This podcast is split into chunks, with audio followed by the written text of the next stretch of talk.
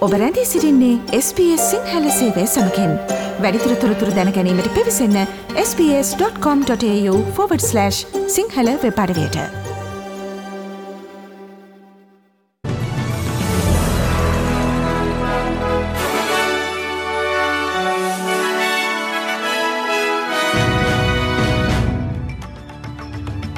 ප්‍රථමයෙන් සිරස්තල ඔස්ට්‍රලියාවේ ජොබ්බක්ටව වැඩසටහන ජූලි මාසේ සිට සංශෝධනය කෙරේ. ලෝක සරනාගත දිනය නිපිතිකොට ඔස්ට්‍රලයාාවේ තාවකාලික වීසා මත සිටින සරනාගතයෝ ස්තිර වීසා ඉල්ලති. සිඩ්නි වරායපාලම මත ඇවර්ජනයානු දජය ස්තිර ලෙසම ස්ථාපනය කිරීමට තීරණයක්. යුක්්‍රේන රුසියා යුද්ධය අවසන්වීමට වසර ගණනාවක් ගත විය හැකි බවට නිටෝ සංවිධානයේ මහලේකම්ගෙන් ප්‍රකාශයක්. ශ්‍රී ලංකාව ඉතිහාසය අලුත් කරමින් ඔස්ට්‍රලියාව සමඟ පැවති තෙවැනි එක් දින තරගයාත් ජයගනී.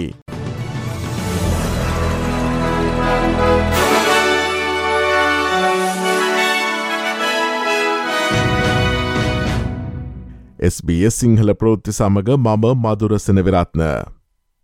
ලිබර සඳහන රජය ක්‍රියාත්මක කළ ඔස්ට්‍රලයාාවේ ජොබ්බක්ටව වැඩස්්‍රහන මුළුබනින්ම හෝසි කිරීම නව කම්කරු රජය ප්‍රතික්ෂේප කරයි.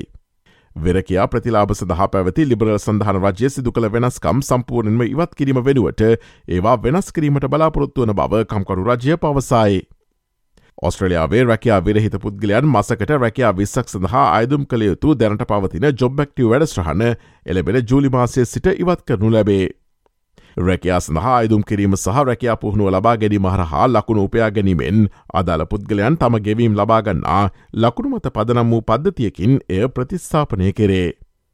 මෙම නව වැඩස්්‍රහණය අඩුපාඩු ඇති නමුත් එය නිවැරදි කළ හැකි බව ඔස්ට්‍රලයානු මධ්‍යම රජේ රැකයා මාත්‍ය ටෝනි බර්ක් ස්කයිපුවත් වෙත අදහස්තක්වමින් කියා සිටියේය. What the government's designed, some of it's more punitive than actually getting the job done. We want to make sure, and I'll be changing it over the course of the next week, to make sure that we can have a system that's designed to get people into work rather than some media stunt to punish people. අදට යෙදී ඇති ලෝක සරණාගත දිනේ නිමිති කොටගෙන ඔස්ට්‍රලයාාවේ තාවකාලික visa මත සිටින සරණාගතයෝ තමන්ට ස්තිර වීසා ලබාදන ලෙස මධ්‍යමරජයෙන් ඉල්ලා සිටිතේ. ඔස්ට්‍රලියාව දැන්ටමත් සරනාගතින් ලෙස පිළිගෙන ඇති පුද්ගලයන් දහ නවදහසකට ස්තිර ප්‍රටෙක්ෂන් වීසා ලබා දෙන බවට කම්කරු රජය පසුගේ මැතිවරණ ව්‍යාපාරයේදී පොරොන්දු විය. ඉරාන සරනාගත හා මනෝවිද්‍යාඥ රේසා රොස්ටාමි දෙදහස් දහතුන වසරේ ඉන්දුනීසියාවේ සිට යාත්‍රාවකින් ඔස්ට්‍රලයාාවට පැමිණියේය. ස්තිරපදිංචිය සඳහා මාර්ගයක් නොමැතිව තමාගේ මුළු පවුලටම ජීවත්තිබට අපහසු ඇති බව ඔහු SBS ප්‍රෘති සේවයට පැවසීය. 10 years experiencing torture mentally, anxiety, depression. The oldest, my daughter, has a more problem for access to high education. Because she cannot go to straight away to university. I have to pay at the moment with the temporary visa as an international student. Please, Labour government, hurry up. Thousand child and asylum seeker waiting for this decision. හෙට ඉදිරිපත් කිරීමට නියමිතව ඇති නිවසෝතෙස් ප්‍රාන්ත අයවැයට හදිසි ජීවන වේදම් සහන ඇතුළත් කරන ලෙස නිවසෝතෙස් ප්‍රාන්තේ කම්කර පක්ෂනායක ක්‍රිස්මින්ස් ඉල්ලා සිටේ. වසර දෙදහස්තිහ වන විට ප්‍රාන්තය පුරා සිටින සියලු මලාමුන් සඳහා යුනිවර්සල් ප්‍රේකින්ඩ ගාටන් වැඩස්්‍රහණ හඳුන්වාදීම සඳහා දශකයක් පුරා ඩොල බිලියන පහයිදශම අටක් ඇතුළුව චයිල්කයා සහ සෞඛ්‍ය සඳහා ඩොල බිලියන ගණනක වියදම් දැනටමත් ප්‍රකාශයට පත් කර ඇත. ජීවන වේදම ප්‍රාන්තායවැයේ ඉදිරියෙන්ම සහ ප්‍රධාන ලෙසම අන්තර්ගතවිය යුතු බව නිවසොත්තස් ප්‍රාන්තය කම්කර පක්ෂනායක Chris පවසයි. And when you add to the fact that grocery prices are expected to increase by at least $1,400 over the next 12 months due to inflation. You're seeing the family budget being squeezed like it hasn't been squeezed for decades in Australia. We're very concerned about the ability of households to meet their financial obligations given how expensive and increasing the cost of living is for the people that live in New South Wales. Sydney වරාය පාලම මත ඇබෝර්ජිනයානු දජය ස්තිර ලෙසම ස්ථාපනය කරන බවට නිවසොත්තස් ප්‍රාන්ත රජය නිවේදනය කරයි. ස්වදේශික ස්ට්‍රලන්නු නායකින්ගේ පෙත්සම් ගණනාවක ප්‍රතිඵලයක් ලෙසට වසර ගණනාවකට පසුව මෙම තීරණය ගෙන තිබේ. නිවසෝතස් ප්‍රාන්ත අයවැය යටතේ මේ වසරාවසන් වන විට සිද්නිවරාය පාලම මත තුංගන කොඩිකනුවක් ස්ථාපනය කිරීමට ප්‍රාන්තරජය ඩොල මිලියන විසි පහක් වැය කරයි. වසර ගණනාවකට පසු මෙම ප්‍රතිඵලය දැකීමට ලැබීම සතුරක් බව මෙට්‍රපොටන් ප්‍රාදේශය සදේශිකොස්්‍රලනු ඉඩම් කවන්සලේ ප්‍රධාන විදාහක නිධාරී නේතන් මොරෑන් පවසයි.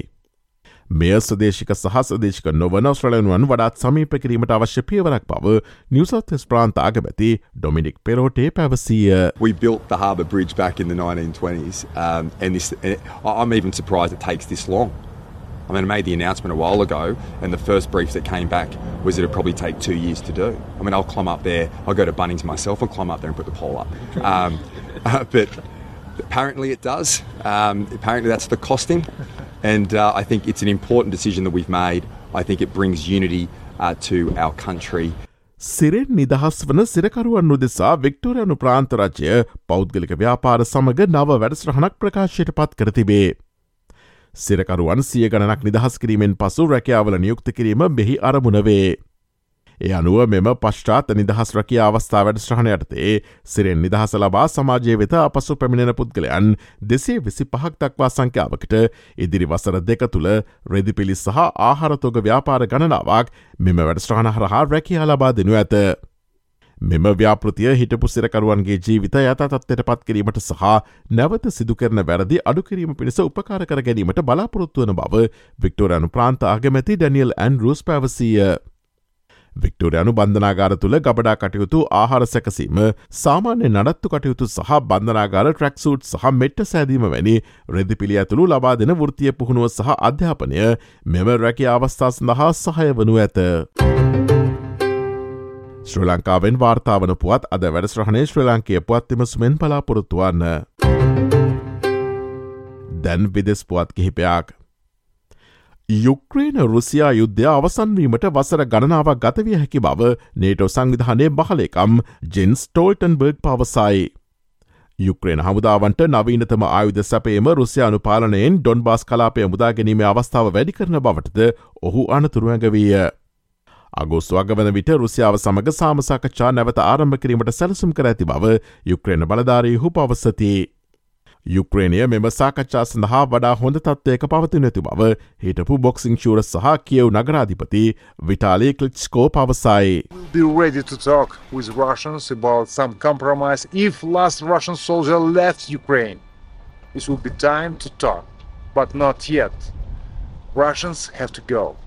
ඇෆ්ගනිස්ථානයේ කාබුල් අගනුවර ඊයදිනේ මෝටරතයක සිදූ පෙපිරීමකින් අම වශයෙන් පුද්ගලන් දෙදෙනෙකු මිය ගොස් තිබේ.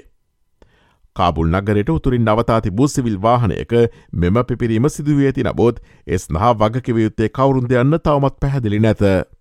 පසුගේ අගෝස්තු මාසේදී ඇෆ්ගනිස්ථානය තම සංවිධානය අත්පත් කර ගැනීමෙන් පසු රට සුරක්ෂිත කර ඇති නමුත් සරන්කාමි ප්‍රචන්ඩත්වය අවධානම පිළිබඳ ඇතමුන් කනස්සල්ලට පත් ඇති බව තලිබන් සංවිධානය පවසයි. දැන් ක්‍රීඩා පුවත් කිහිපයක්. සංචාරක ඔස්ට්‍රලියාව සහ ශ්‍ර ලංකාව අතර කොළඹ ආර් ප්‍රේමදාස ක්‍රඩාංගනයේ ඒ පැවති තෙවන එක් දින තරගේදී පන්දු නවයක් ඉතිරිව තිබියදී කඩුළු හයක විශිෂ්ටජයක් අත්කර ගැනීමට ශ්‍ර ලංකාව සමත්විය. මෙම ජයග්‍රහණයක් සමඟ තරග පහකින් සමන් විත මෙම එක්දින තරගාවලිය තරඟ දෙකට එකක් ලෙස පෙරමුණ ගැනීමට ශ්‍ර ලංකාව සමත්ව සිටේ. ශ්‍ර ලංකා ක්‍රකට ඉතිහාසේ වසර විස්සකට පසු ඔස්ට්‍රලයාාවට එරහිව ශ්‍ර ලංකාවේදී නොකඩවා එක්දින තරඟ දෙකක් ජයකත් පළමු අවස්ථාවල සිද මෙය වාර්තාවේ. කාසේවාසේ දින මුලින් පන්දුවට පහරදීමට තීරණය කළ ඔස්ට්‍රලියාව පන්දුවර පණහක් තුළදී කඩුළු හයකට ලකුණු දෙසිය අනු එකක් රැස් කරගත් අතර පිළිතුරෙනම ක්‍රඩා කළ ශ්‍ර ලංකාව කඩුළු හතරක් දැවී ලකුණු දෙසිය අනු දෙකක් ලබා ජය සන්ට්‍රහන් කළේය. ශ්‍ර ලංකා ජයග්‍රහණය නියම වූ ආරම්භක පිතිකරු පැතුම් නිසංක තම එක්දින ක්‍රිකට් ජීවිතේ මංගල ශතකය වාර්තා කරමින් අගනා ලකුණු එක සේතිස් හතක් ලබාගත්තේය. කුසල් මෙන්ඩිස්ද වටිලා ලකුණු අසූ හතක් රැස් කර සිටින විට පාදයාබාධයක් නිසා පිටිය නිවත්වීමට සිදුවිය. තරඟ පහකින් සමන් විත මෙම එක්දින ක්‍රිකට් තරඟාවලියේ සිව්වන තරගය කොළඹ ආර්ප්‍රේමදස ක්‍රඩාංගනයේදී ඔස්ට්‍රලයනු නැගෙනහිර සම්මත වෙලාවෙන් හෙට රාත්‍රී හතට ආරම්භවීමට නීමිතයි. විස්සයි විස්ස සහ එක්දින ක්‍රිකට් තරඟ සංචාරයක් සඳහා එක් වන ඉන්දිය කාන්තා ක්‍රිකට් කණ්ඩෑම ඒ ශ්‍ර ලංකාවට පැමිණියේය. මෙම සංචාරයේදී ඉන්දිය සහ ශ්‍ර ලංකා කාන්තා කණ්ඩෑම අතර විස්සයි විස්ස තරඟ තුනක් සහ එක් දින ජාතන්තර තරඟ තුනක් පැවත්වීමට නීමිතයි. මේ තරඟාවලදිත්තේදීම ඉන්දිය කාන්තාපිලේ නායකත්වය හර්මන් ප්‍රිට් කවුර් විසින් දරන අතර ස්මෘති මන්දනා උපනායිකාව ලෙස කටයුතු කරයි. ශ්‍රී ලංකා ඉන්දිය කාන්තා විස්සයි විස්ස තරගාවලිය ජුනිමස විසිතුන විසි පහ සහ විසි හත දිනවල දඹුල්ලේදේත් එක්දින තරගාවලිය ජූලි මස පළමුුවනදා සිව්වනදා සහ හත්වනදා මහනුවර පල්ලෙ කළේදීත් පැවැත්වේ.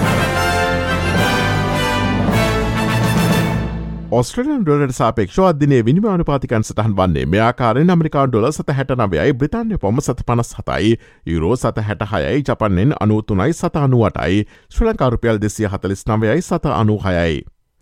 ඔස්ට්‍රලයා ප්‍රාධ්‍යනය කාලගුණ තත්වය වාර්තාවන්නේ මෙයාකාරෙන් පර්ත් සෙල්සස් විස්සයි මද වැසිඇතිවීමට හැකි. ඇඩිලිට් පහළවයි මද වැසිඇතිවේ මෙල්බන් දාහතයි අපරභාගේදී මද වැසි ඇතිවේ.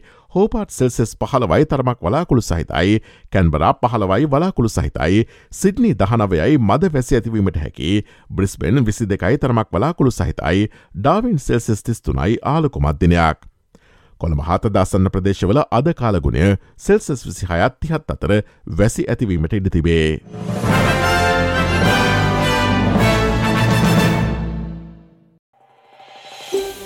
මේ වගේ තවත්තොරතුරු දැනගන්න කැමතිද. එහමනම් Apple podcast Google podcast Spotify ඔබගේ පොඩ්කාස්ට ලබාගන්න ඕනේම මාතයකින් අපට සවන්දය හැකේ.